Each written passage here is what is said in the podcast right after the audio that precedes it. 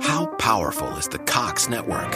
So powerful that one day the internet will let your doctor perform miracles from thousands of miles away. Connecting to remote operating room. Giving a whole new meaning to the term house call.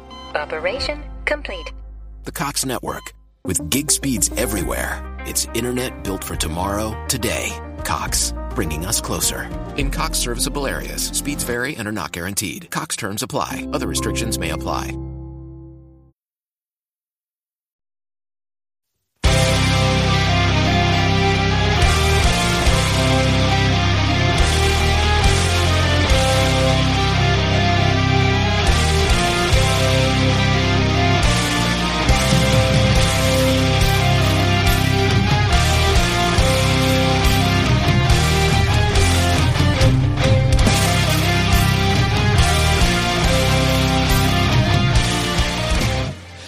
Låt oss tampas på Bråvalla hed.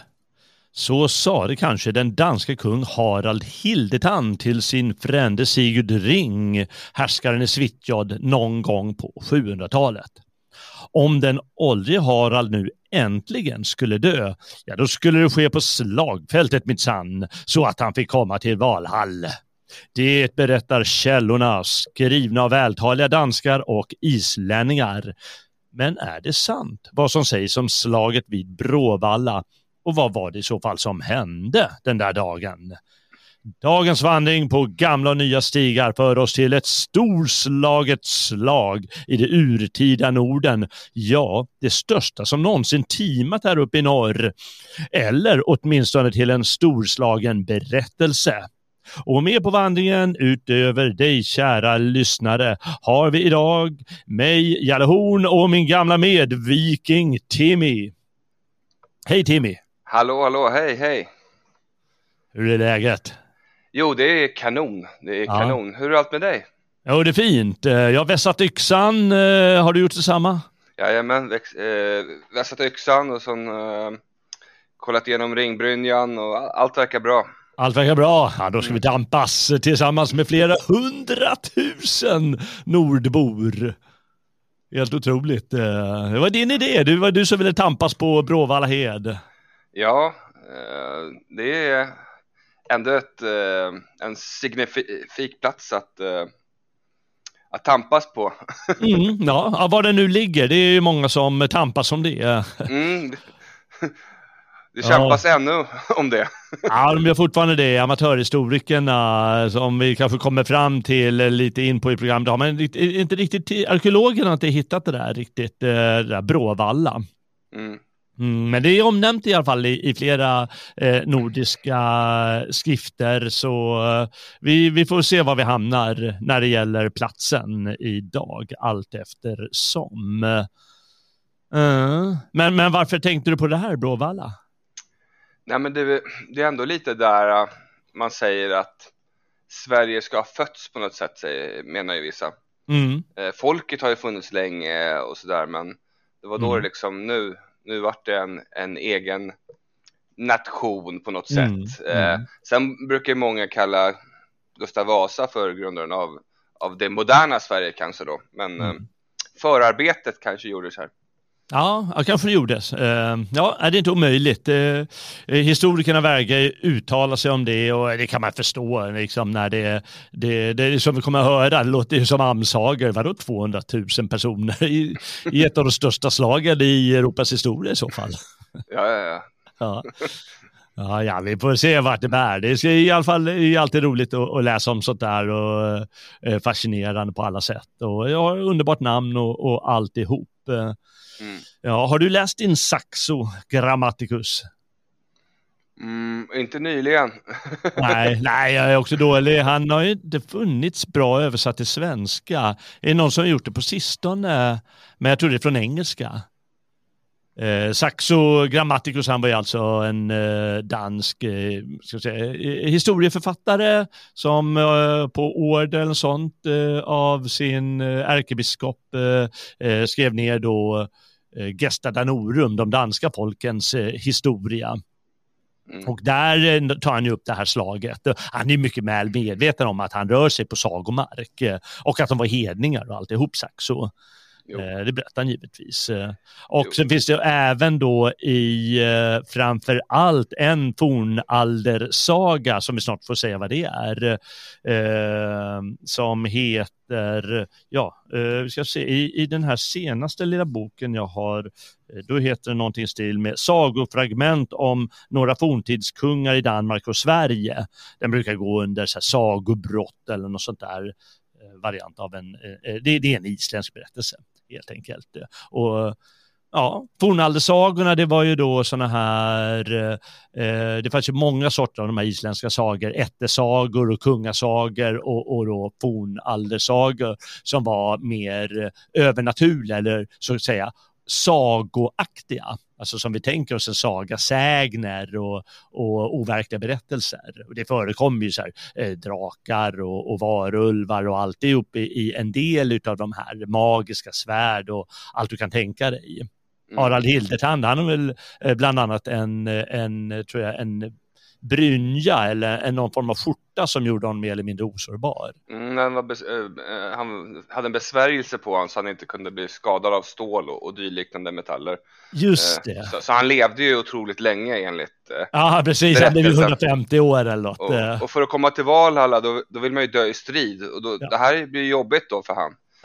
Jäkla svår, svårt sätt när man är osårbar mer eller mindre. Mm. Ja, men det är sant.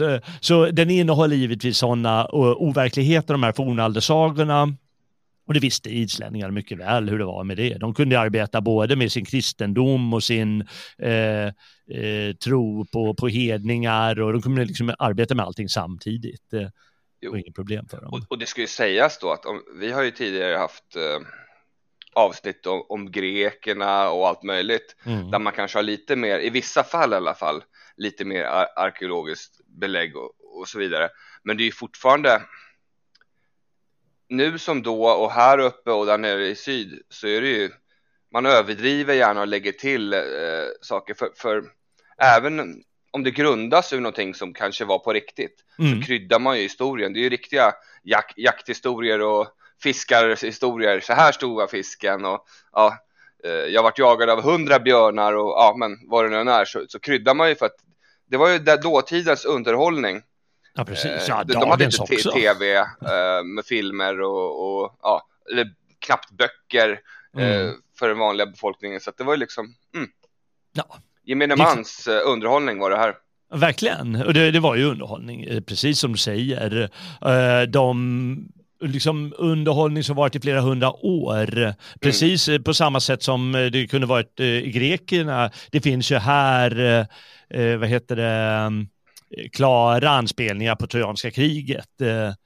Mm. får man anta. Och det, det skrevs ju ner också flera hundra år efter att eh, det hade utspelat sig och berättelser hade varit i svang i flera hundra år och samma sak med det här då. Om det nu utspelades på 700-talet, det här slaget, så är det ju många hundra år fram till 12 och 1300-talet och Saxo och de här islänningarna skriver om det. Ja. Ja. Och när jag säger det här med eh, anspelningar på trojanska kriget så måste man ha klart för sig att det här var ju oerhört lärda människor och de var väl belästa på den europeiska traditionen. De översatte ju massor med litteratur eh, som fanns i omlopp på, eh, på vad heter det, kontinenten och det var därför de kunde, kunde skriva en sån Karla Magnus-saga om Karl den stora. Alltså. Det var ju översättningar många av de grejerna som var givetvis inlästa på det som eh, kontinentens personer personer har skrivit i många hundra år, bland annat om Trojanska kriget. Så. Och eh, flera saker finns ju lite taget ur eh, de här, den här långa europeiska traditionen, eh, både under antiken och under medeltiden. Eh, till exempel, det här känner jag igen, att eh, det, det, det, berättas i berättelsen att eh, kung Harald som, som härskade över, över Danmark, eh, han bildade av båtar som skulle vara med och eh, delta i slaget eller forsla soldater dit. Eh, att båtarna bildade en bro över Öresund. Och sånt, där, eh, sånt finns ju till exempel, jag tror att det var den persiska kungen som gjorde likadant. Mm att de bildade liksom eh, pontonbro kan man säga, själva båtarna. Och det är förstås berättat sånt många gånger i olika sammanhang. Eh, och Trojanska kriget, eh, det, det, påminner väldigt mycket hur han räknar upp sagokungarna och eh, hur, hur de har det här sagoskimret över sig, precis som de har i till exempel Iliaden. Nu är det inte så att han läste Iliaden, man kan läsa det i, i romersk eh, översättning, latinsk översättning. Och eh, ja, men det, det, finns mycket och det finns mycket som påminner om annat i europeisk eh, vad ska jag säga, berättelsetradition. Mm. Men med det sagt så, eh, många saker utav, i sagorna grundar ju sig många gånger Eh, eller i alla fall då och då, mm. ifrån något som faktiskt har hänt, fast sen starkt överdrivet liksom. Ja, uh, ja, självklart. Och det gäller inte bara Trojanska kriget eller eh, vad heter den nu, Rolandsången om, om eh, riddar Roland och, mm. och alla möjliga. Det är givetvis överdrivna, utan det, det, finns ju liksom i många av de här berättelserna finns det givetvis en, en kärna eller mer än en kärna av sanning. Mm. Och när det gäller arkeologin, ja då får väl eh, vi får väl hitta oss en Heinrich Schliemann, eh, tysken som fick för sig, helt eh, amatör, att ja, men nu ska jag hitta Troja och så hittade han i Troja. Mm. Och så hittade Mykena sen också och det visade sig att ja, men de fanns ju på riktigt de här ställena. Mm. Och många av de här berättelserna kan man finna då att de har funnits på, på riktigt. Och, och sen så gäller ju att hitta platsen så man kan göra arkeologiska utgrävningar och så vidare. Mm. Ja, vi får väl se sen då rent militärstrategiskt, mm. eh, om, om man då har hört historien om eh, att i Persien så gjorde de en bro av båtar och, och så vidare. Mm. Varför inte använda strategierna? Alltså, man kan ju ha mm. hört historierna och använda de strategierna från, från fabulerade historier som riktig stridsstrategi ibland också. Mm. Eh, så, så, att ja, inspiration. Ja, ja precis. Ja, och eh, ja, det är så. Men jag tycker det är i alla fall kul att, bara, eh, att aldrig glömma det, att de här killarna som skrev om allt mellan himmel och jord, eller de nordiska, eh, nordiska folkens historia, eh, i mångt och mycket på, på 11, 12 och 1300-talet, eh, vare sig det var Danmark eller Island och, och i liten mån då Sverige. Vi har ju Erikskrönikan till exempel från 1300-talet. Eh, att det, var, att det var väldigt lärda herrar att de mm. kunde väldigt mycket och de hade liksom koll på den här europeiska traditionen av litteratur och historia och alltihop. Eh, det finns ett ställe i en av källorna där eh, kungen vill utfråga spåmannen Hörder. Och eh, då nämner bland annat den här Hörder att ehm, kungen kommer att mista sitt rike och det, det, låter väldigt likt en gammal berättelse om kung Krösus. Eh, eller kung Krösus som vi säger, som blev spådd att eh, ja, men om du anfaller perserriket då kommer ett stort rike att eh, gå under. Och då tänker han förstås, ah, jag ska anfalla dem. Och, men så visar det sig att det är hans eget rike som går under. Eh, för spårdomen är lite lömsk där. Och det låter, klingar ungefär likadant här och det finns flera sådana ställen som, som har blivit in, som antingen har funnits där lite från början eller som du säger att man lägger till berättelsen för att den ska få en mer lite, eh, lite mer driv och lite coolare. Lite, ja precis. Ja. Men förankringen finns där. Ja, förankringen finns där.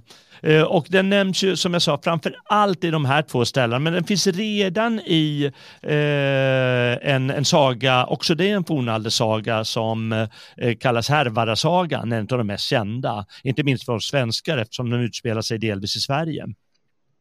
Jag kan läsa det bara. Och det, det är liksom är, även om de skrivit många hundra år senare så kan du hitta flera källor som nämner det någorlunda oberoende av varandra. Då vet du att du, du, då har du i alla fall mer bevis och mer att gå på. Och eh, i den här så är det ju bara några rader i den här härvarsagan. Men jag tänkte jag kan läsa dem. Eh, det är ett litet stycke här. Och det låter så här. Kung Randve gifte sig med Åsa, dotter till kung Harald Rödskägg som härskade nordöver i Norge. Deras son var Sigurd Ring, en av kombatanterna då.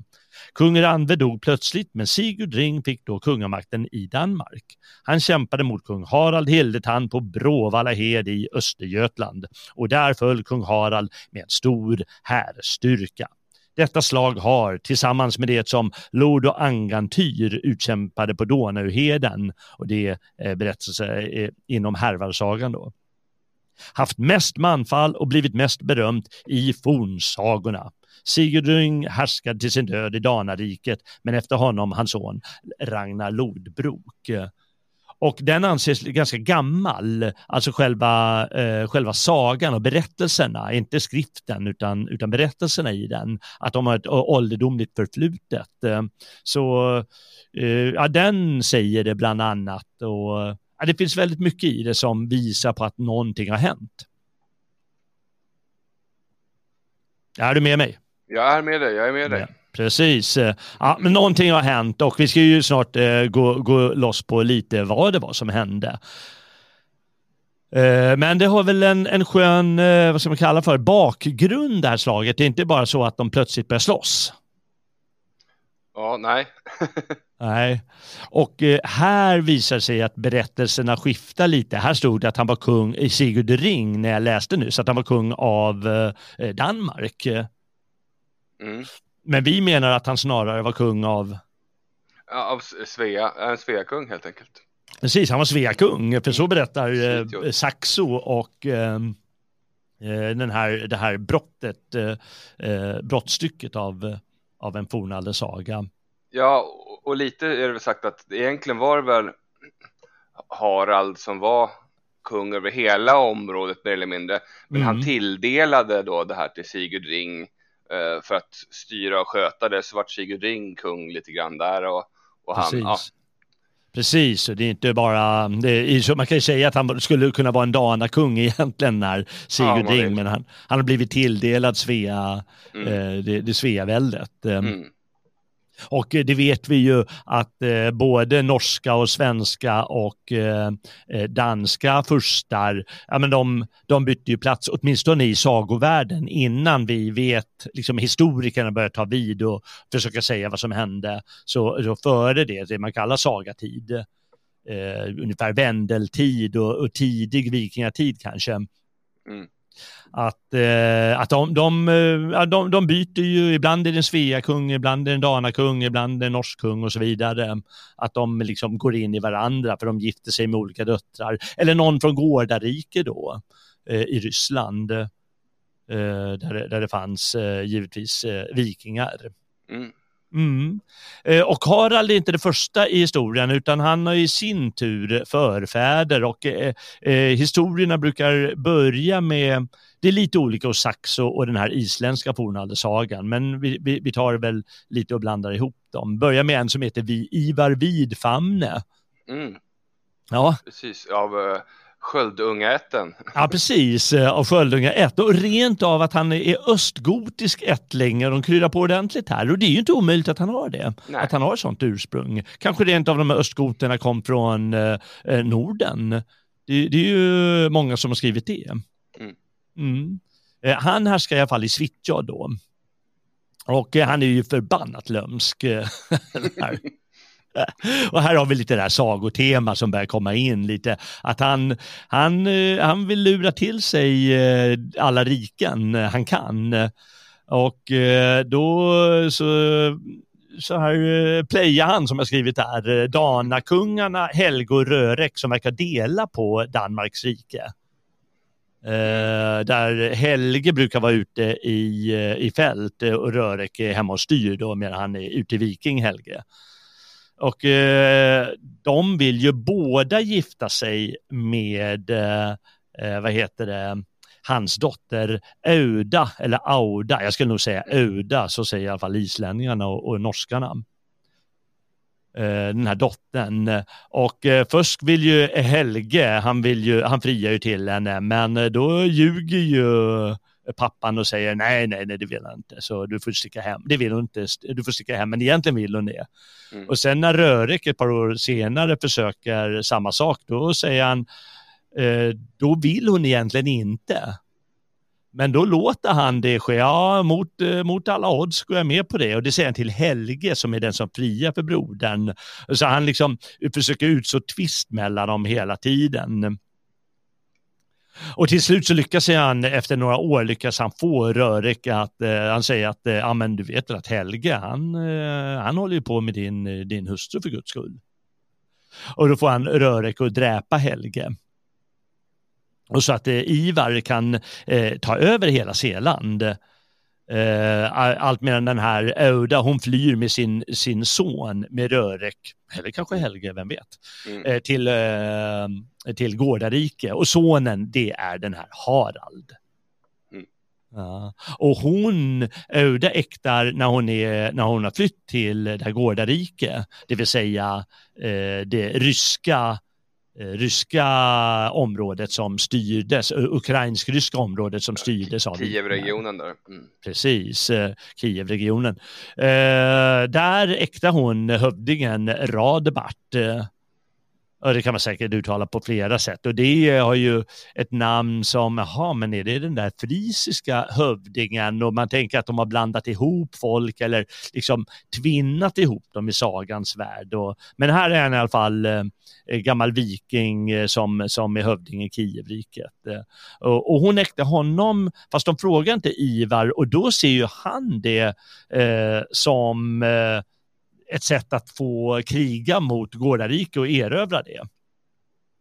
Ja, och det försöker han göra, det vill han göra och samla ihop en flotta, men då på något sätt så grälar han med den här siaren Hörder som säger hur det ska gå för honom. Han är ganska fräck den här Hörder och han vet att han kommer få ungefär huvudet avkapat om man säger fel. Men på något sätt försvinner, försvinner båda i havet. Eh, och eh, då, då kan Harald, när han är bara 15 år, eh, fara över till Zeeland och utropas till kung. Mm. Och så erövrar han hela Sverige och det här är lite olika tydligen i källorna. Men han erövrar även hela Sverige och styr över liksom allt rike som eh, eh, Ivar har haft och det är liksom delar av England och delar av Tyskland och det är, det är Danmark och det är hela Sverige och Norge och det är lite, lite Gårdarike. Så det är liksom hela den här vikingasfären skulle vi kunna säga. Mm. Och, mm. och Siland, Siland då, det är, det är Själland liksom. Dagen. Just det. Där Just. Köpenhamn ligger idag. Ja. ja. Det var väl Leire den hette, eh, eh, den tidens huvudort. Mm. Och vet jag inte om det ligger i eh, ungefär motsvarande dagens Köpenhamn. Eh, det kan jag faktiskt inte svara på. Ja. Men han blir gammal gubbe så småningom, eh, väldigt gammal, allt som allt 150 år. Men innan han blir 150 så, så har han blivit lite åldrig och då, som du sa där i början så utser han sin brorson Sigurd Ring till kung mm. i Svitjod och Västergötland, allt medan han då styr över Danmark och Östergötland.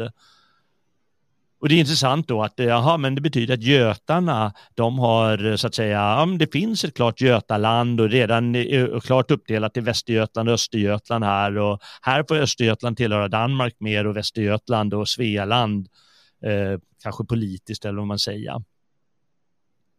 Mm. Ja, för att kunna managera det, det var, det var inte liksom snabba internetlinor och man kunde skicka ut eh, order på något smidigt sätt om hur saker ska detaljstyras och ja. Nej. Att, eh... Men han styrde i alla fall, man styrde i form av, alltså man ägde ju inte land så mycket då som att man ägde, eller ägde alltså att man var hövding över personer. Så man kanske ska skriva alltid personer boende i Östergötland, eller Östgötarna. Mm. Att det är de han eh, leder, inte själva geografiska området, men men det ligger ju där i alla fall. Mm. Ja, han blev ju 150 år gammal så sagt. Ehm, och allt mer, berättar källorna då, eh, oförmögen förstås att för, för, försvara sitt rike när han var gammal och gammal skröplig. Ja, det, och, det är klart. Eh Även fast han lever så hjärnan börjar bli gammal, men stålet dödar han inte. Nej, nej precis. Han hade, jag vet inte när han fick den här besvärjelsen över sig, om det var barndomen eller eh, när som du berättade, för det kommer jag inte ihåg. Eh. Mm, jag du... tror jag läste lite om det. Jag glömde bort det. Jag kan, jag kan kika upp det under tiden när vi fortsätter.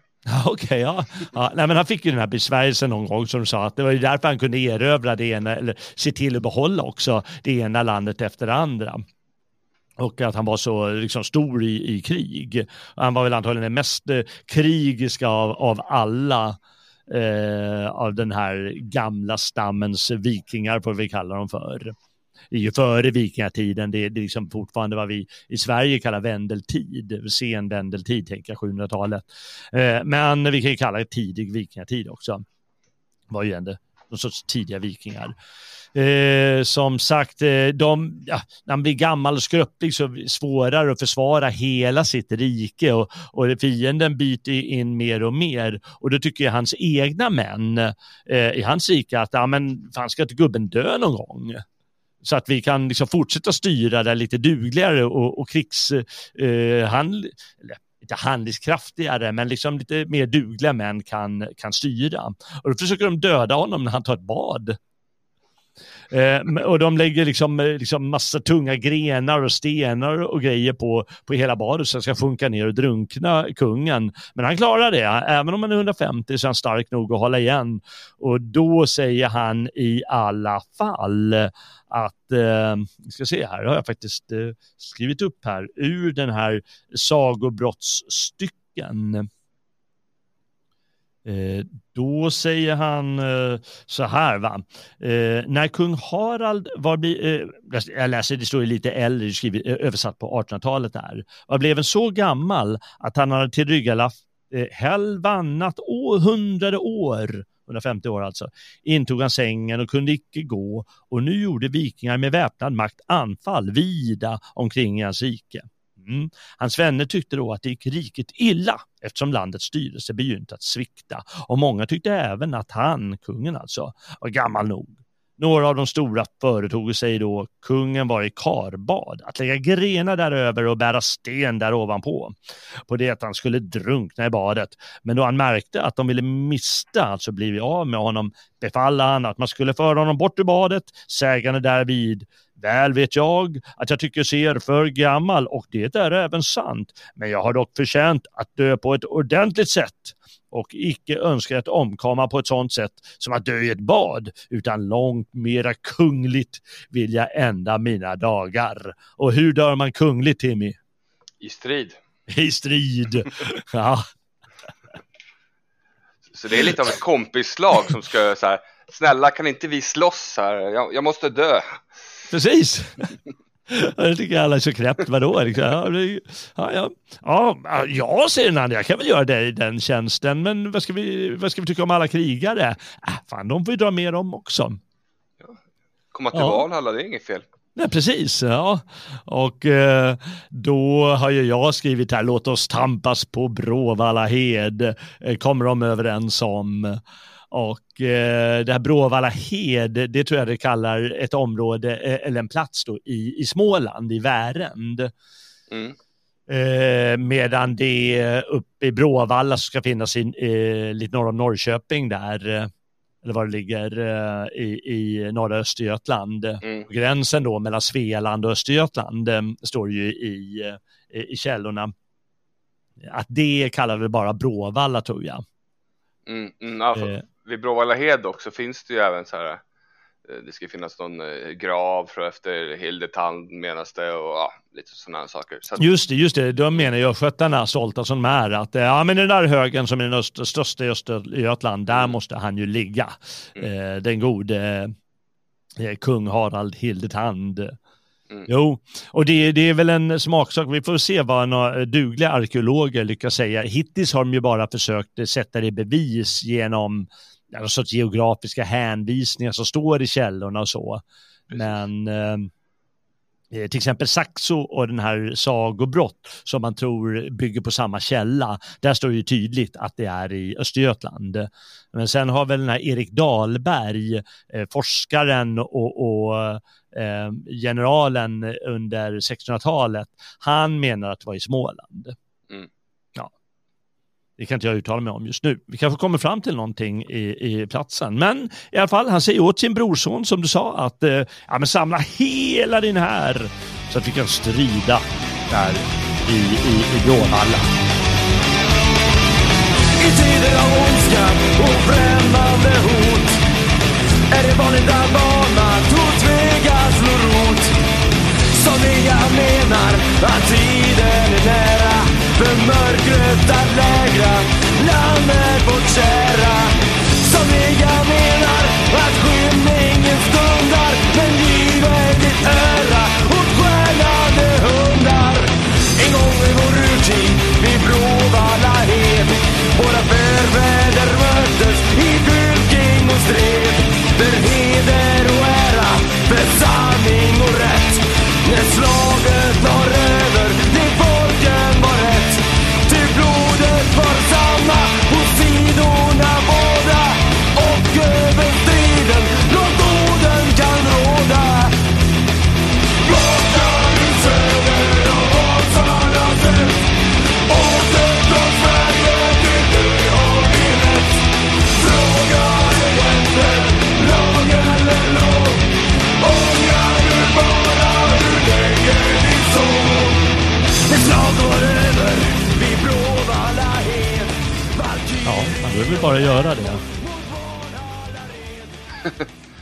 Man dags att börja bygga fotonbryggor av båtar och... Ja!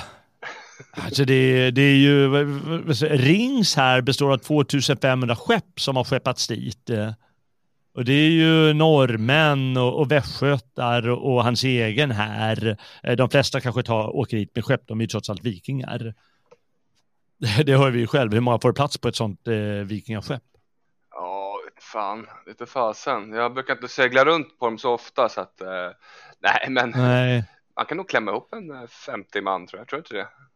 Ja, precis. Eh, Ja, redan där har vi ju eh, 12 500 för att inte tala om alla som ska ha vandrat eh, till platsen.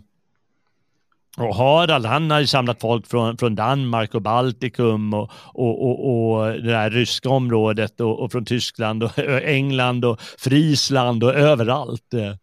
Och sen så, alla kanske inte tog sådana stora eh, drakskepp kanske, men ja, som du säger, via fots, så att eh, jag uppskattar till två miljoner istället. Nej, men Ja. Ja, men det är några hundratusen Ja. i alla fall. Jag tror att jag läste någonstans två eller trehundratusen att det är väl någon som har räknat på hur många, hur många det kan vara.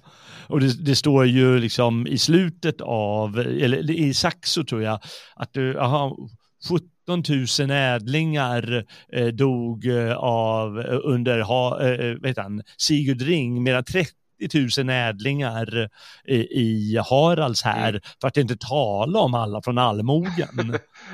Och det är bara de som är dött. jag tycker ändå det är så skönt att eh, folk bara, ja, men nu ska han slåss med sin eh, farbror här. Eh, men vi åker upp ifrån Estland, Lettland, Litauen och vi hjälper till lite grann och alla var sugna på att slåss. Liksom. Ja, ja. ja de vill, vill väl visa. Och här känner man att det är okej, man får ju ta det med en nypa salt givetvis. Och det, det är återigen att vill visa på någon form av, vad jag tycker känns som en parallell då till till exempel Trojanska kriget där, eh, där den eh, eh kungen eh, Menelaus som är liksom överbefälhavare bland eh, eh, grekerna samlar ihop alla greker runt om i riket. Mm. De har lovat, nå- de har gett något löfte en gång i tiden, eh, tjena tjena. Och så åker de över och samma sak här, att han berättar om alla som finns med i slaget och varifrån de kommer. Och det är irländare och det är friser och det är eh, engländare och det är tyskar och det är liksom rubbet eh, som finns med. Det är till och med sköldmör är med tre stycken och bärsärkar och, och, och sju kungar har han bredvid sig och det har även då eh, kung Ring som också har en, räknar han upp alla då norskar och svenskar och västgötar och allt som finns med. Det var, det var även eh, slagbjörnar och andra vidunder som var med och, Ja, för Gylleslaget va? och Oden. Orden är Ja. med också, ja precis. Han är med där och, och vakar över det hela och lägger sig i när det Mm. behövs. Precis som gudarna i Trojanska kriget enligt Iliaden Mm. till exempel. Eh, så det, det, finns ju klara, det finns ju klara paralleller. Och det är att de använder eh, de här som, var kunniga, de använde givetvis den traditionen och viss mån sin egen tradition som ändå funnits. Eh, De gamla germanerna, de berättade ju, eh, de hade ju hjältesånger om sina stora slag och sina stora hjältar. Eh, Det berättar ju bland annat Tacitus, det har vi tagit upp i, i tidigare program du och jag. Mm, mm. Mm. Så det finns lång, lång tradition att bygga på här när de berättar de här sagorna, eller berättelserna. Mm. Och eh, då ska vi se eh, Harald i slaget. Ja, de har kommit fram till eh, den här, eh, vad heter det, låt oss säga att det är Östergötland då. De har kommit fram dit eh, och ställt upp sig eh, och eh, Ring, eh, Harald, han är förundrad över att Ring har, som det heter, svinfylkat eh, sin formation eller sin här. Vet du vad det är? Ja, det är forma en formation eh, som vi, vikingarna använde primärt eh, eh, under sina slag liksom och, och när de slogs mot varandra och även mot andra. Mm, just det. Men det var tydligen ganska nytt för eh, Harald menar att det, eh, det orden hade lärt honom det. Han var den enda som kunde det. Men det visar sig att Ring också kan det här minsann. Och sen blir det väl vanligt som du säger under vikingatid. Mm. Och eh, då misstänker han att, eh, hmm, undrar om orden vill eh, ha, ha, ha, ha något med i det här spelet att göra. Ja. Han kanske har några S som man ska lägga ut under slagets gång. ja. Jag ska säga så, Harald han var ju, han, som sagt han var ju väldigt sängliggande. Mm. Så han var ju väldigt, han körde sig runt i vagn där under Ja, just det. Ja, ja, han kan, Samtidigt som man inte kan, kan dö. Inte så att, ja. Nej. Otroligt. Ja, men han är gammal skröplig så han får sitta på knä eller hur han mm. nu och så rider han omkring på någon vänster eh, och eh, har ett par, par huggsvärd i varje hand. Mm. han också köttar på rätt bra. Ja, men, men eh, jag läste där att eh, han i alla fall ber orden om, om segern i vilket fall. Mm. Det är inte så att han bara vill dö, utan helst vill han ju segra. Men annars får han gärna falla i striden som sagt. Eh, eh, och då ska orden få alla, alla som har dött, lovar han heligt. Mm. Ja, och ja, han kunde ju inte dö på, från vanligt stål och sånt där så att eh, ja, Oden eh, ordnade det där till slut. ja, precis ja. Eh, jag tänkte att, eh, det, det, är lite roligt, jag läste någonstans att eh, vissa tror att eh, något ska vara skrivet av telemarkare, norsk, norska i södra Norge. De, de beskrivs lite olika, de beskrivs som väldigt vega i den ena och väldigt tappra i, hos Saxo. Så det är lite, lite olika där. Men eh, jag tänkte jag skulle komma in på att Eh, de, eh, de, de håller ju varsitt tal hos Saxo. Han beskriver det eh, hur de håller tal när de väl står ordnade inför strid. Och då är ju faktiskt Sigurd Rings tal väldigt eh, häftigt. Och jag får väl översätta från danska här. Han skrev ju på latin, vad heter han, Saxo. Men har ni dansk översättning här? Du dansk? Ja, jag kan snäga det. Jag får väl ta, dra det på svensk-danska. Uh, säger så här. Eh, då den danska hären nådde fram till svenskarna som stod redo till att ta emot den uh, bad Ring sina krigsfolk tålmodigt vänta tills Harald hade uppställt sin slagordning och inte blåsa till angrepp förrän uh, de såg att kungen hade bestigit sin vagn vid sidan av banererna. Han eh, hoppades, sade han, och nu pratar han alltså, att den här som satte sin lit till en blind mans anförsel eh, lätt skulle bli slagen. Harald, som på gravens rand hade blivit gripen av begärlighet efter någon annans rike, hmm, var inte mindre vettlös än en blind. Fastän han eh, så ser jag så stor sida. Fastän han eh, eh, alltså fienden eh, lättsinnigt och fräckt hade begynt krigen. Svenskarna var därför nödda till, säger han då, eh, Sigurd Ring till för sin egna, alltså. Han talar om, vi är nödda till att kämpa för, för vår frihet, vårt fädernesland och våra barn så säger han. Dessutom var över måttan få av fienderna just danskar, utan de flesta i dess här var saxare och andra, eh, annat eh, dumt folk. Svenskarna och norrmännen borde därför betänka i hur hög grad nordborna alltid hade varit tyskar och slaver överlägsna en här som snarare syntes bestå av eh, löst folk än av en fast och pålitlig krigsstyrka var bara föraktvärd. Och vid detta tal uppflammade han eh, inte så lite krigares mod. ja. Det är skönt tal eller? Ja, verkligen det står inte riktigt på det sättet, jag fick ju göra om det så att det kändes som att han talade, men, eh, men eh, det känner vi igen och det, det gick tydligen hem redan då på 1200-talet när, när Saxo skrev ner det här och han, han i sin till bygger ju på, på muntliga tidigare källor. Så det har alltid funkat, eh, fäderlandet och det egna folket som ska hålla på och, och plöja in. Mm. Och strax efter så brakar det igång och jag tänkte jag skulle eh, lyckas läsa det, ba, bara kort det också, för jag tyckte det var så jäkla brutalt. Det, det, det, säger i den ena källan, och när denna här var fullt ordnad till strid lät de på båda öms, på, på ömse sidor blåsa i lurarna och upphävde därnäst stridsrop. Och eh, Saxo beskriver början av det slaget jäkligt häftigt. Eh, eh så gällde det lurarna alltså eh, lätlurarna och kampen begynte av yttersta kraft på båda sidor. Man kunde frestas till att tro att himlen hade fallit ner på jorden, att skogar och slätter sjönk i avgrunden, att allt blandades mellan varandra, att det gamla kaos var, hade kommit tillbaka, att gudomliga och mänskliga ting virvlades eh, mellan varandra av det rasande oväder och att allt på en gång störtade i undergång. Eh, då de började att kasta med spjut fyllde vapnens olidliga klirrande luften med ett otroligt gny. Ångan från såren la sig plötsligt som en, som en dimma över himlen och dagens ljus förmörkades av den täta spydhagel. Vad är spydhagel? ja, det... Jag vet inte. Någon sorts hagel kanske. Det täta haglet. Eh, spjuthaglet. Ja. Vad dum jag är. Ja.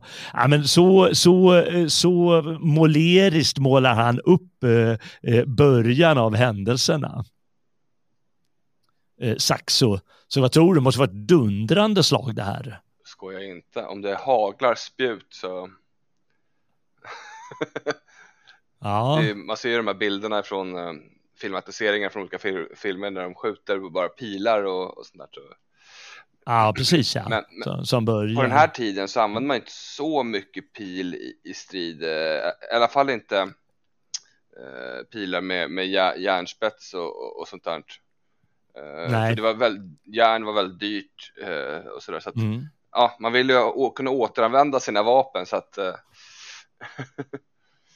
Men, men här tog det, de i mycket och kastade spjuten och sådana saker. Så att, ja. ja, det gjorde de ju. De hade säkert pilbågar. Det står ju inte riktigt Nej. att de, ja, först kom pilregnet, men vem mm. vet, de kanske eh, lossade av något sånt också innan lite grann. Det fanns säkert någon ordning för det, men man kan ju inte bara köra det. Folk tror ju det, mm. men det kan man liksom inte. Eh, det funkar inte så. Fienden dundrar fram mm. och bågskyttarna är rädda ofta. Ja, och, och, och de var inte liksom så ja, som sagt, järn var dyrt. Skjuta bort mm. järn till fienden. Nej, man ville ha mm. det hos sig. Så det var inga över ja. jättestora regn med, med, med pilar, troligtvis. Nej, Nej. Eh, vad heter han? De, de räknar ju upp en jäkla massa eh, namn som är med. Eh, många av dem har ju så här roliga namn. Har du fastnat för några, några häftiga namn eller, eller personer som är med? Jag tycker ju om jag tycker om de flesta namnen, de klassiska också bara liksom Ubbe och sådana sköna, ja. sköna namn liksom. Det var ju många Emil-kämpar där liksom. Så att, eh. ja, verkligen. Hake Högvindkinne. ja. Det blir jättemånga roliga namn. Ale den tappre givetvis, men ofta har de ju den halte eller eh, var de kommer ifrån, givetvis skelögde eller skevögda och eh, de, de styltgångare, mm. Rolf den kvinnokäre. Ja. Alltså, jag tycker vi har tappat den traditionen. Eh, eh, vi borde fört med oss den till den moderna tiden. Vi får återinföra den. Liksom. Verkligen, men det måste ju vara någon germansk grej, för även eh, de gamla merovingerna, de gamla frankerna, mm. de har ju också sådana namn. Mm. Ja, den stornäste ja. eller det heter ju allt möjligt, den skallige. Ja. Då får man leva med att ja. det kallas så Magnus bara. den uh, skäggiga så här och, ja men ja. man, ja varför inte? Ja, och liksom som att det, det, jag tycker faktiskt det verkar som att de inte skämdes för om de heter den halte, ja men jag är ju ja. halt. Varför ska man skämmas för det? Man finner säkerhet ja, i, i vad man är, det är trygghet i vad man är. Ja. ja. Det, det, är i alla fall många roliga namn eh, och eh, för det räknas ju upp eh, den ena efter den andra som är med och det är ett par sidor man får ta, ta sig igenom när man läser det här helt enkelt. För övrigt kan jag ju säga att det finns ju, det är ju utgivet alla de här fornaldersagorna samlade på något som heter Alterna Media. Då kan man gå in och, och, och, köpa dem. Det kostar 900 spänn eller något sånt där. Men det är tre feta volymer med allihopa. Mm mer eller mindre. Och några är översatta nu de senaste 50 åren kanske, eller bara de senaste åren. Eh, men många är hämtade från 100-150 år sedan när, när det översattes eh, lite i större omfång, just de här. Men det har dröjt länge, vissa har nyöversatts de senaste åren, men eh, många ligger kvar där av någon anledning är ju skandal att de inte översätter mer om och om igen från denna härliga nordiska tradition. Ja, och, och det finns ju även eh, många sådana här kopparstick och sådant från i den här eh, Suecia Antiqua, ett hodierna, där man kan liksom mm. Jag tror de har med Bråvalla och alla möjliga andra fina, fina saker med, med där som man kan. Ja, just det. Mm. Det finns massor med hemsidor man kan kolla. Jag brukar kolla på något som heter heimskringla.no. Mm. Där finns det massor med texter. Eh, kan man välja om man vill ha på danska, norska eller svenska. Så den här eh, Saxo tog jag därifrån. Mm. Eh, den står ju på danska där. Och kan du bara några få ord så är det som att läsa svenska mer eller mindre. Mm. Det är inget större problem. Det, det, som är lite synd är, det blir ju liksom från översättning till översättning. Eh, och då tappas det ju alltid saker eh, och detaljer. Men ja. det, det Saxo jag har läst så att jag, jag kan inte jämföra det mot originaltexterna liksom, så att jag vet inte. Nej, nej, inte jag heller. Och det är tråkigt, det hade man gärna kunnat läsa allt i original. Mm. Men ja, så är det. Så är det i alla fall. De brakar samman de här herrarna och eh, de som eh, främst nämns i båda berättelserna, eh, det är ju då på, på vad heter han, Haralds sida, vad heter han nu, det är Ubbe. Mm Ubbe, Frisen mm. udde och, och Frise är ju förstås från Friesland, eh, nord, nordvästra Nederländerna. Och det var ju ett väldigt eh, starkt och berömt eh, eh folk. Det, ofta var ju vikingar där nere och krigade med dem. Mm. Åkte med jämna mellanrum till Friesland för att drabba samman med de starkaste och modigaste. Eh, och han plöjer sig ju fram genom hären och liksom slår ihjäl den ena och den andra. Det går inte att få hejd på honom mer eller mindre. Eh, så han, han verkar vara den som i alla fall ges mest plats i den här berättelsen och därmed den starkaste och främsta krigaren på, på danskarnas sida, eller Haralds sida ska vi säga. Mm. Eh, vad heter den eh, på svensk sida, den starkaste? Ja, jag skulle säga den, den, den viktigaste i alla fall blir eh, Brunes, kan jag väl tänka mig. ja, men det är ju han, han är ju dansk, Brune. Ja. Ja. Men, han... men svensk, ja. Han, han dräper väl till slut Harald? Ja, han gör ju det. Ja, han är ju en av Haralds män. Ja, det har jag missat uh, helt. Jag har tänkt att han var... Uh... Nej. Uh, nej, han är en av Haralds män faktiskt. Svenskarna har en som heter Starkåder eller Starköder. Ja, sta Starka den gamle. Uh, ja. ja. Jag... han, har fått, han finns med tydligen i många berättelser, eh, fast han målas ut olika. I, i svenska, de som har liksom mer svensk prägel av de här fornaldersagorna, mm. då är han ute och härjar österut och eh, bland eh, norska, då är han ute och härjar västerut, verkar det ja, som, eller sånt. Han var Odens skyddsling någonting. Han, han, han var inte så omtyckt av Tor, som jag förstår som, men Oden skyddade han hela tiden. Så, ja. Okej, okay, ja. Ja, han, eh, och det, det, märker man ju här, för han dundrar fram efter, han, han sätter stopp för den här Ubbe som verkar, hade, hade Ubbe bara hållit på, då hade han säkert gjort slut på hela eh, svenskarnas armé. Men eh, han stoppas av den här Starkåder och, och sen så norska pilbågsskyttar som eh, Ja, de, de hade så, så bra pilar så att de, och bågar så att de faktiskt kunde skjuta igenom hans pansar.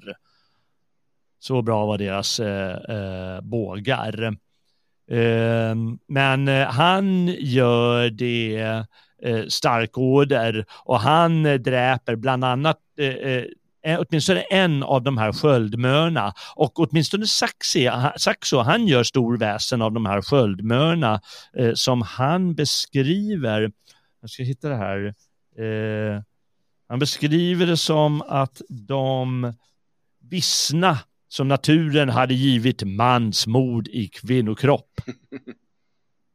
Så heter hon, eller kallas hon då. Så de är tre sköldmör som på danskarnas sida här. Men Starkåder sätter stopp för de här, för de dundrar också fram på slagfältet och slår ihjäl till höger och vänster. Jag måste faktiskt ta ett innan han går loss Starkoder, för det är ett fantastiskt ställe eh, när hon möter svensken Söknarsote. Ja, har du läst det? Nej. Och eh, då eh, ska vi se, hon vände sig, i, i detsamma sökte och Sköldmön Vebjörg hårt fram emot svenskarna och göterna. Hon vände sig mot en kämpe som hette Söknarsote och hade hon en sån vana att föra hjälm, brynja och svärd att hon var den främsta i ridderliga idrotter som Stärkåder den gamle förtäljer.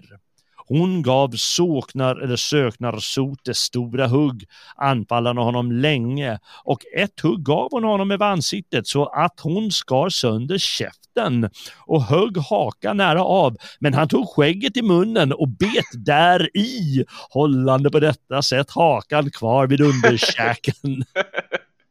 Aldrig ge upp, som Magnus brukar säga. Ge aldrig upp. Det är bara att bita fast käken med skägget. Ja. Underbart. ja, en hejdundrande fight va. Men, men Starkoder han sätter stopp för henne och de andra och sen så dundrar han fram i sin tur eh, mot danskarna. Och eh, då vet jag inte vem det är som berättar om det är den där eller eh, Saxo, de liknar varandra ganska mycket. Eh, han bestämmer sig nu, Harald, att eh, ge sig in i striden. För när det är så många som dör av några starkorder. Och mm. han sitter som, som du berättar där i sin vagn och, och, och, och ger sig in. Och eh, det är då den här Brune slår ja, ihjäl honom. Det. det är han som kör runt den där vagnen. Ja, ja precis. Hos Saxo ja. berättas det så, ja. Mm. Eh, Saxo berättar att eh, Brune kör runt honom mm. eh, på ett eh, fascinerande sätt. Jag vet inte om vi ska läsa det också. Ta, ta med det. Mm, vi får göra det. Eh, då ska vi se, ska se var jag börjar. Då har i alla fall kungen, han, han har ju sett det här, eh, just det står att Brun, eller Brune förrädiskt gjorde tjänst som kusk. Mm. Eh, och eh, han frågar Brune någonting, men han svarar inte. Och då går det upp för kungen att undra om det är orden själv. Mm som är kusk åt mig nu. Ja. Och att eh, guden som förut hade, som fordom hade varit honom så huld, nu hade påtagit sig ett annat öde för eh, antingen att komma hon, honom till undsättningen eller underdraga honom sin hjälp. Han, begynte, han började då att strax ivrigt bönfalla honom om att eh, låta en avgörande seger tillfalla danskarna som förr hade varit honom så huld och att eh, öva sin välgärning emot dem fullt ut. Så antingen kom till att eh, svara till början och eh, till, i gengäld lovade han att viga alla de fallnas själarna till honom. Och då vill han väl säga att eh, eh, om du hjälper mig ska du få alla själar, eller du får kanske få dem i vilket fall. Mm. Och han har ju tidigare bett orden, just som du sa, att eh, dö i strid här, så han kan få komma till Valhalla.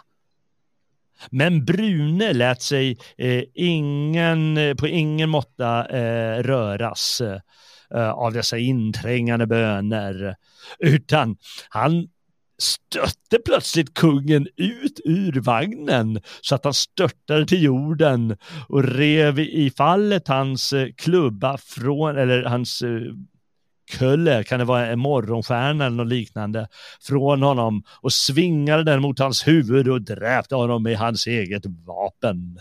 Mm. Ja. Omkring kungens vagn låg det otaliga lik av slagna kämpar. Den ohyggliga dyngan gick helt upp över hjulen. Ja, likhögen nådde helt upp till vagnstången. Av Rings här nämligen fallet, eh, hade nämligen fallit eh, 12 000 ädlingar och av Haralds 30 000 för att inte tala om de många från, av allmogen som hade eh, mist livet där. Ja, det är otroligt. Uh, mm. Jag menar, eftersom orden då tog Br uh, Brunes i gestalt, kan det vara för, för att uh, skydda då Starkad eller Starkotter som var hans skyddsling? Ja, kan för det vara ja. eller var det för att göra Harald till lag och låta Harald dö? Mm. Mm. Mm. Ja, orden är ju lurig, ja. så man vet aldrig riktigt var man har honom. Och man får ju fatta att han har ju han har offrat sitt öga i vishetens brunn, så, så han, eh, han förstår ju saker som inte andra förstår. Ja, han kanske förstod att nu behöver jag många kämpar till Valhalla och jag behöver många bra, så att vi ser till att det här händer nu. mm. Och han fick ju 47 000 bara ädlingar här. Ja. Riktigt modiga människor. Mm. Ja. ja, det är svårt att säga. Eh, det är ju så till exempel att den här brottstycke, eh, det är ju inte hela och eh, Saxo han väver ju in sin berättelse i, i flera liksom. Och eh, Saxo han skriver ju att eh, Starkotte, Starkotter, han var den första som skrev om det här slaget och vad som hände. Så han ska alltså ha varit en, en diktare får man anta. Och det är ju väldigt synd för i den här eh, isländska eh, brottstycket, där finns det ju inga dikter bevarade. De är ju annars eh, eh, ofta, det är ju fullt med alla möjliga dikter. Den mest mm. berömda av alla fornaldersagor, Völsungasagan, den har ju till exempel eh, massor med dikter från Eddan.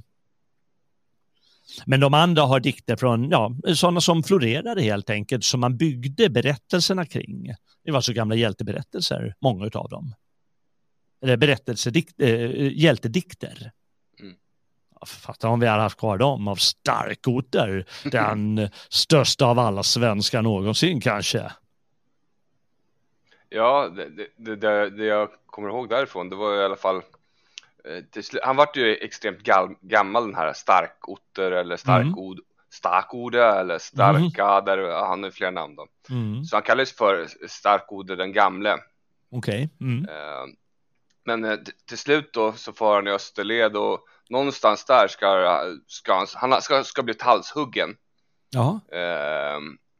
där och, och det som det de säger då i de här berättelserna är att hans huvud liksom gnagde sig runt och bet omkring sig i gräset där hans huvud låg för att han, han levde vidare.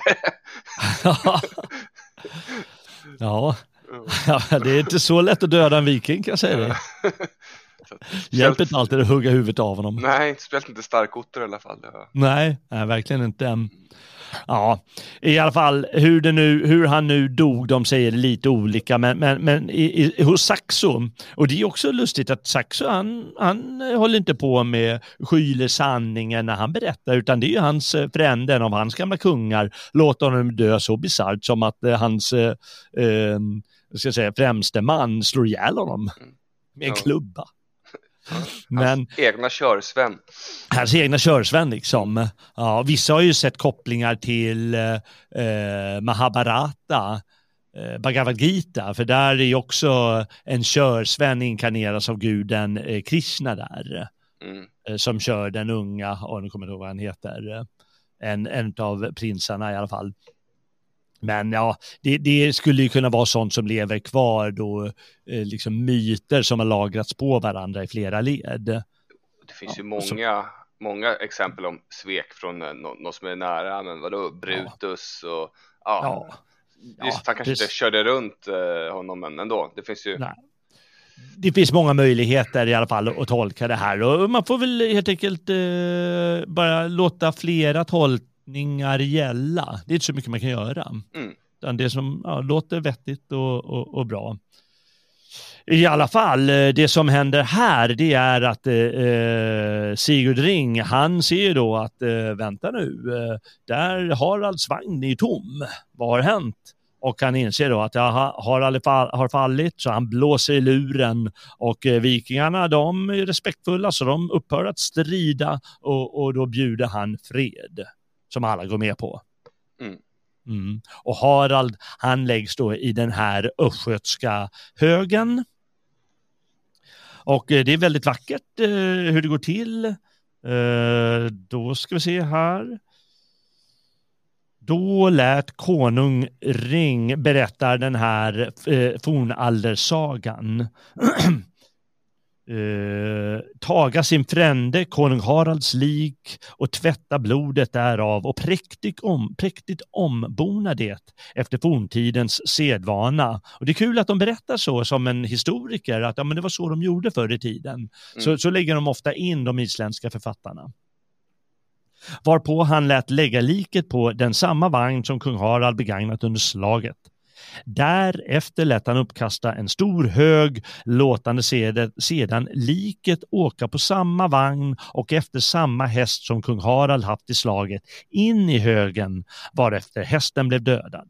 Sedan lät kung Ring framtaga den sadel som han själv ridit i och gav den sin frände kung Harald bedjande honom därvid göra hur han ville, antingen rida till Valhall eller färdas dit åkande, varpå han lät anrätta ett stort gille och fira sin frände konung Haralds jordafärd. Och innan högen tillslöts befalte konung Ring alla de stora hovmännen och alla tillstädes varande kämpar att gå fram och kasta ner i den stora ringar och goda vapen till konung Harald Hildetands hedrande och därefter blev högen omsorgsfullt tillsluten. Ja, den största eh, måste, måste hedras på det största vis. Mm. Ja. Så eh, går det till i sådana slag. Tror du att det har hänt där? Jag tror att slag har hänt. Eh, men det är bara, jag går på magkänsla. Det låter mm. kul, eh, tänkte mm. jag säga. Mm. Eh, Sen tror jag att det kanske blir lite färre människor inblandade. Ja, eller fler. Uh, nej, men det tror jag definitivt att jag, jag bara, det känns bara som en, en sån sak som har skett. Sen kanske det var tusen istället, men ja. Mm. Uh, och platsen där det har skett, den, ja, där har jag ingen jätteåsikt på, på, på, på, på vart, det, vart det skedde, om det ens var på Nej. någon av de här två punkterna. Mm. Eh, det får väl arkeologin kanske avgöra i framtiden. Ja. Ja. Eh, men jag tror verkligen ha... att ett slag har varit och det har varit i folkmun, folk har berättat om det. Sen mm. tror jag inte det var så många vidunder med och, och sådana här saker. Nej, ja, du sån du. Det måste ju ha varit lite bärsärkar med i alla fall. Det, det, det, det, det, det lär det ha varit. Det lär ha varit ja. några stycken. Några svampätande mm. bärsärkar lär definitivt mm. varit med. Mm. Men jag håller ju med dig helt och hållet där. Alltså, varför skulle man bara hitta på ett sånt här stort slag? Ja, nej. Det är alltså, folk förstår inte hur svårt det är att bara hitta på från ingenstans. Alltså det är jättesvårt för människor. Nästan alla berättelser och sagor, de utgår ju från något som har hänt. Mm hur mycket du än hittar på så är det liksom ett fall du läst i tidningen nu för tiden och sen så börjar du krångla till det och göra en intrig av alltihop eh, och så och hitta förklaringar varför det har hänt. Men, men, men själva faktumet finns oftast där. Mm. Och Saxo han säger själv att eh, Starkoter, han har skrivit dikt om det, så antagligen har det funnits dikter, precis som det funnits hos de här andra islänningarna som bygger de här sagorna, det kallas ju sagor och det betyder ju bara berättelse. Mm. Som bygger de här berättelserna på de här gamla dikterna. Och de har ju levt muntligt, både dikterna och, eh, och, och eh, berättelser om vad som har hänt i, i många hundra år. Uh, och så, eh, ja det är så det fungerar. Det här är ju en muntlig kultur. Att det fanns ju inget skriftspråk uh, på 700-talet uh, i Norden. Vi, vi, hade ju runor då, men det var, ristades ju bara in på, på trä och stenar. Det skrev man ju inte på papper eller pergament. Så, så det levde muntligt helt enkelt. Det är en del av vår muntliga, vår muntliga kultur helt enkelt. Mm. Och eh, sen får man väl ta det här med överdrifterna bäst man vill. Ja, det är klart att det inte var 200 000 kämpar. Eh, för det säger sig självt att det var inte ens så mycket under ett eh, stort slag i andra världskriget i stort sett. Nej, precis. Eh, men, men det betyder ju att det antagligen var ett stort slag då. Ja, stort för Och det kanske tiden. var liksom hövdingar från alla de här olika hållen. Att det kom någon engelsman och någon fris och så. Men Mm. inte 10 000 av varje sort. Mm. Vem vet? Ja. Ja, det är förstås jättesvårt innan de hittar något mer konkret eh, att, att gå på. Och det är någonting för framtida arkeologer. Där har ni ett skäl, ni lyssnare, att eh, utbilda er till arkeolog. Jo, jag menar, det det är ändå 1300 år sedan det här ska ha skett, Mm. ungefär. Mm. Eh, och eh, det kan mycket väl stå en skog där som är tusen år gammal nu. Ja. Det var tidigare ett fält, alltså ja, Ja. det, är ju- ja, det, det kan ju ha varit att så, där, eh, där, där det skedde nu var det vatten och inte vatten. Alltså det kan ju ja, finnas precis. liksom, mm, Ja, vi har ju landhöjningen är ju, jag vet inte om det är problematisk, för man kan nog räkna ut hur mycket landhöjningen har, hur, hur- hur, mycket det har höjt landet på eh, 1300 år. mm, mm, Om den utspelar sig på 700-talet. Eh, Men då kan man räkna ut det, då kan man liksom utgå från stranden och, och, och dra det eh, därifrån. Men floden kan ju ha ändrats. Den Ja. kan ju vara eh, högre eller lägre vid Mm. olika tillfällen. Så det är klart att det är svårt. Och det är väl någon flod som rinner där. Mm. Som eh, skilde dem, eller, eller Bråviken, eller något som skilde eh, kämparna åt från början. Eh, Så ah, det är jättesvårt. Men jag, jag tänker på en grej, det kom för några år sedan en bok om gamla Uppsala. Och då har man ju hittat helt nya rön från det. För man vet ju inte så mycket om gamla Uppsala heller. Men då har vi vi har hittat en jättestor processionsväg med jättestora pålar eh, som man har slagit ner l- som eh, med, antagligen med gudabilder eller allt möjligt. Alltså vi pratar om flera, många hundra meter. Eh, Mm. nästan en kilometer lång tror jag. Eh, och det visste man inte om att det fanns. Och det betyder ju att, eh, eh, jag tror det var ganska tidigt alltså i Uppsalas, eh, gamla Uppsalas historia det här, att långt innan vi trodde att det skulle vara så mäktigt, eh, den här platsen, så var det väldigt mäktigt. Och jag vill säga att man hittar ju nya rön om det hela, vilket betyder att eh, Ja, men eh, vi trodde ju, de trodde kanske inte det fanns inte den sortens eh, strukturer och den sortens maktmöjligheter då, men det gjorde det. Vare sig det är liksom en symbolisk makt eller liksom en helig makt eh, som lockar folk till sig, att det är den här heliga platsen. Mm. Det är någonting med det i alla fall och det är mycket större än man trodde eh, på, på olika ställen. Det kan ju vara Gamla Uppsala i det här fallet och varför skulle det inte vara det eh, i, när det gäller Bråvalla? Att det, Ja, kan ju lika, det kan ju lika gärna vara eh, eh, mycket större än man trodde, ett sånt Mm. slag. Oh ja. Bara för att man är historiker måste vara lite skeptisk och det ska man ju vara givetvis. Man ska inte bara köpa allt rakt av för man måste, ju, man måste utgå från de här källkritiska normerna.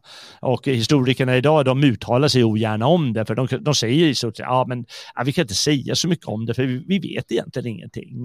För det finns ingen arkeologi bakom det och uppenbarligen har det massa sagoinslag de här källorna om det hela så vi, vi, vi, vi kan bara spekulera. Mm. Men ofta får man nog, eh, eh, tycker jag, man, man, eh, man bör utgå lite från, som du sa, att det finns en hel del sanning i de här berättelserna. Jag brukar också ta det här med Iliaden, vi pratar ju om Troja här nu. Och eh, först visste man inte, liksom, har det skett de här slagen i Troja på det sättet? Och det visar sig att det har gjort det i någorlunda mån Mm. Eh, har, har visat, arkeologerna kunnat visa. Och dessutom så bruk, har man velat dra fram Homeros, när levde han? Ja, men enligt antikens källor skulle det vara på 800-talet antagligen. Men länge trodde man att ja, men det är senare, det är 7 eller 600-talet rent av. Men sen så har det visat sig ju mer forskning går framåt att nej, vi får faktiskt gå tillbaka igen till det här 800-talet och samma sak med Rom. Jag trodde, 753 grundades Rom enligt den romerska traditionen. Men det kan ju inte stämma tyckte de, det måste vara 500-talet eller något sånt där. Men sen så har man sakta men säkert där också, liksom i att man gräver ut ett lager till i det gamla Rom, upptäckte att det finns något här under. Mm. Och så går man tillbaka i tiden och så visar det sig att de gamla källorna stämmer mycket mer än man ville låta tro ett tag. Och, och, och, som, du, ja, som vi påpekar här, det, det är ändå liksom, ja, man ska vara skeptisk, men ja, många gånger stämmer det. Eh, Mm. Ja, det gör faktiskt det. Ja, mycket mer än man tror. Så börja med källorna och sen så kan ni köra arkeologin. Eh, Jag har för övrigt läst, eh, sett fler möjligheter. England tror jag såg någonstans eller läste någonstans att det skulle vara en möjlighet. Mm. Har du någon vild teori? Kanske Huddinge? Ah, jag är tveksam eh, under min villa här i... ja, nej, jag har faktiskt inga, inga tokiga... Jag kan, väl, kan, kan vara lite tråkig ibland, men eh, jag vill tro på saker. Ja. Men jag, nej, jag har ingen, ingen Nej. egen teori. Nej, nej, inte jag heller. Men det, liksom, det, finns väl, finns väl skäl att göra det. Mm. Eh, Man, be, man, man ska inte alltid gå efter namnet rakt av. Nej. Så namnlikheter, namn, det är en stor forskning, ortnamnsforskning. Mm. Och de byter ju namn och det kan hända saker och man missförstår vad namnen betyder och så. Verkligen, alltså det, det, det är extremt vanligt att jag har tolkat ett namn först som att det betyder någonting. Sen Mm. så läser jag så får jag höra andra varianter av det namnet. Mm. Då tolkas de till ett helt annat objekt eller en helt annan ett helt annat område eller ja, Eh, ja men ta, ta, ta goterna liksom och det Mm. finns ju så många tankar kring vad, vad det kommer ifrån liksom. Är det, är det typ Gotland eller är det Mm. eh, Götaland? Ja men ja, det finns liksom Ja. Ja, du har helt rätt. Eh, eh, det är svårare än man tror, men man, man får väl slå ihop det ena och det andra och det tredje om man har läser sig in på det. Och så bara Mm. skriva sin egen lite, lilla variant av det. Det är också historia. Mm. Eh, så blir man historiker också. Mm. Både arkeolog och historiker eh, har vi blivande bland lyssnarna hoppas jag. mm. Ja, ja. ja. Eh, har du någonting att, att tillägga om det hela? Ja, jag tänkte det kanske kan leda till, leda till ett nytt avsnitt sen framöver, men jag kan, kan, kan dra en liten en avslutning kring, för Sigurd Ring har ändå eh, in, intressant eh, son och intressant, och ett intressant barnbarn. Mm. Eh, han sägs ju vara far till Ragnar Lodbrok då som, eh, Mm. som föddes i, i, i Gamla Uppsala där. Eh, och, och så fick ju Ragnar då sonen Björn Järnkida som, som mer eller mindre grundade den nya Munsöätten som man brukar säga. Mm. Och eh, hans, eh, hans grav finns ju i, i Björnshögen ute, ute på Munsö i Mälaren där. Så Mm. dit kan ni åka och, och kika om ni vill, eh, nä- nära, Husby, nära Husbygropen. Eh, Just det. Du ser en riktig segrares eh, grav. Mm. Eh, ja. Och hans barn därefter då, ett av dem i alla fall, Erik var ju den som tog Svitjodstron vidare efter honom. Så att, Mm. ja, det är Munsöätten. Verkligen. Ja, där har vi någonting att, att, att vandra vidare på gamla och nya stigar. Det Mm. måste vi ta itu med, eller hur? Mm, det tycker jag, det tycker jag. Både Ragnar och eh, Björn. Ja, precis. Mm. Ja, gamla härliga svenska konungar. Mm. Som definitivt, ska jag säga, har levt eh, och inte bara är sagokungar, utan det är äkta kött och blod vi har att göra med. Oh ja. Oh ja. Vad Ja, men de det är bra säger. Ja, det ska vi ta itu med. Jag hoppas vi lyckas eh, om inte allt för länge. Annars är det mycket Gustav Vasa som, som gäller det här året. Jag har redan ett par eh, inplanerade program om det. Och Mm. eh, du är välkommen att att komma med något eh, förslag. Och även lyssnarna, ni kanske har något bra förslag på, på andra ämnen, vare sig det är Gustav Vasa eller gamla svenska eh, sagokungar eller något, eh, något helt annat.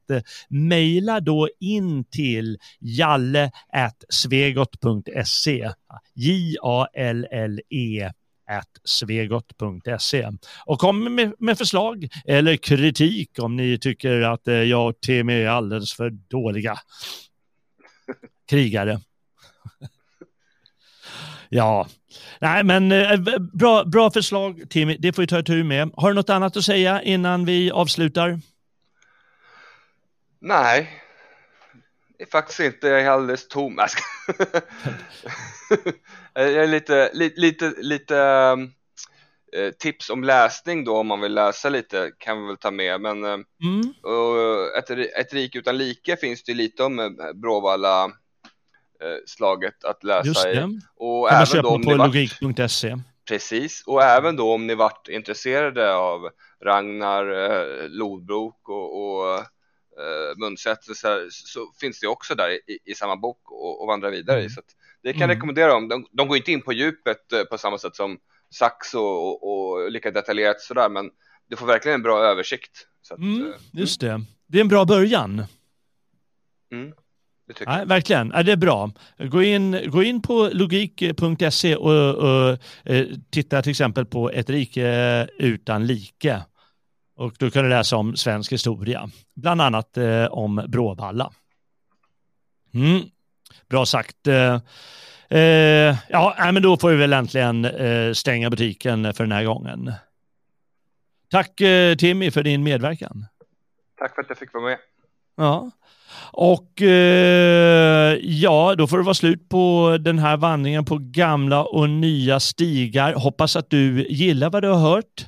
Och om du gör det så vet du väl att du kan stödja Radio Svegots verksamhet genom att vara stödprenumerant eller genom att donera till oss. Eh, Eh, många av våra program är fria att lyssna på, men stödprenumeranter får särskild tillgång till våra dagliga sändningar. Det kan man kolla upp närmare på svegot.se och där, om man vill stödja då, kan man klicka på donera eller stödprenumerant. Och då, om du är stödprenumerant, då får du full eh, dos av alla våra program. Och sprid gärna det här programmet om slaget vid Bråvalla bland vänner och bekanta, gärna på sociala medier eller var du finner det lämpligt. Och inte minst, häng gärna med på nästa vandring, vart den nu för oss. Väl mött, Frände. Glöm aldrig slaget. Vid Bråvalla bort. Vi danades där till vår säregna sort. Nordisk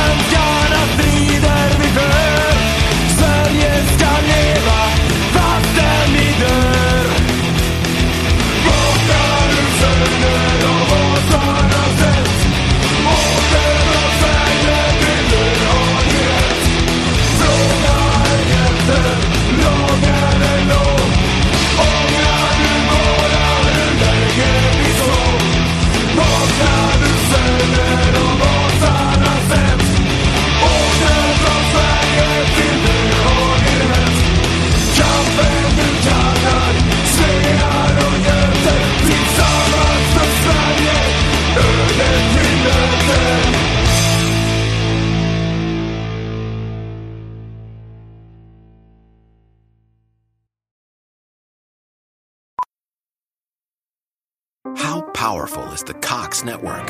So powerful that one day the internet will let your doctor perform miracles from thousands of miles away, Connecting to remote operating room. giving a whole new meaning to the term house call. Operation complete. The Cox network, with gig speeds everywhere, it's internet built for tomorrow, today. Cox, bringing us closer. In Cox serviceable areas, speeds vary and are not guaranteed. Cox terms apply, other restrictions may apply. Spring into savings at your neighborhood BJ's. From April 25th to May 22nd, save $4 on select skincare products only at BJ's, like Neutrogena makeup remover wipes, Beach Defense sunscreen, and retinol regenerating cream. Lubriderm 24 hour non greasy moisturizer, and Aveeno Daily Moisturizing Lotion. Save April 25th to May 22nd with select skincare products at BJ's. Visit BJS.com for more information.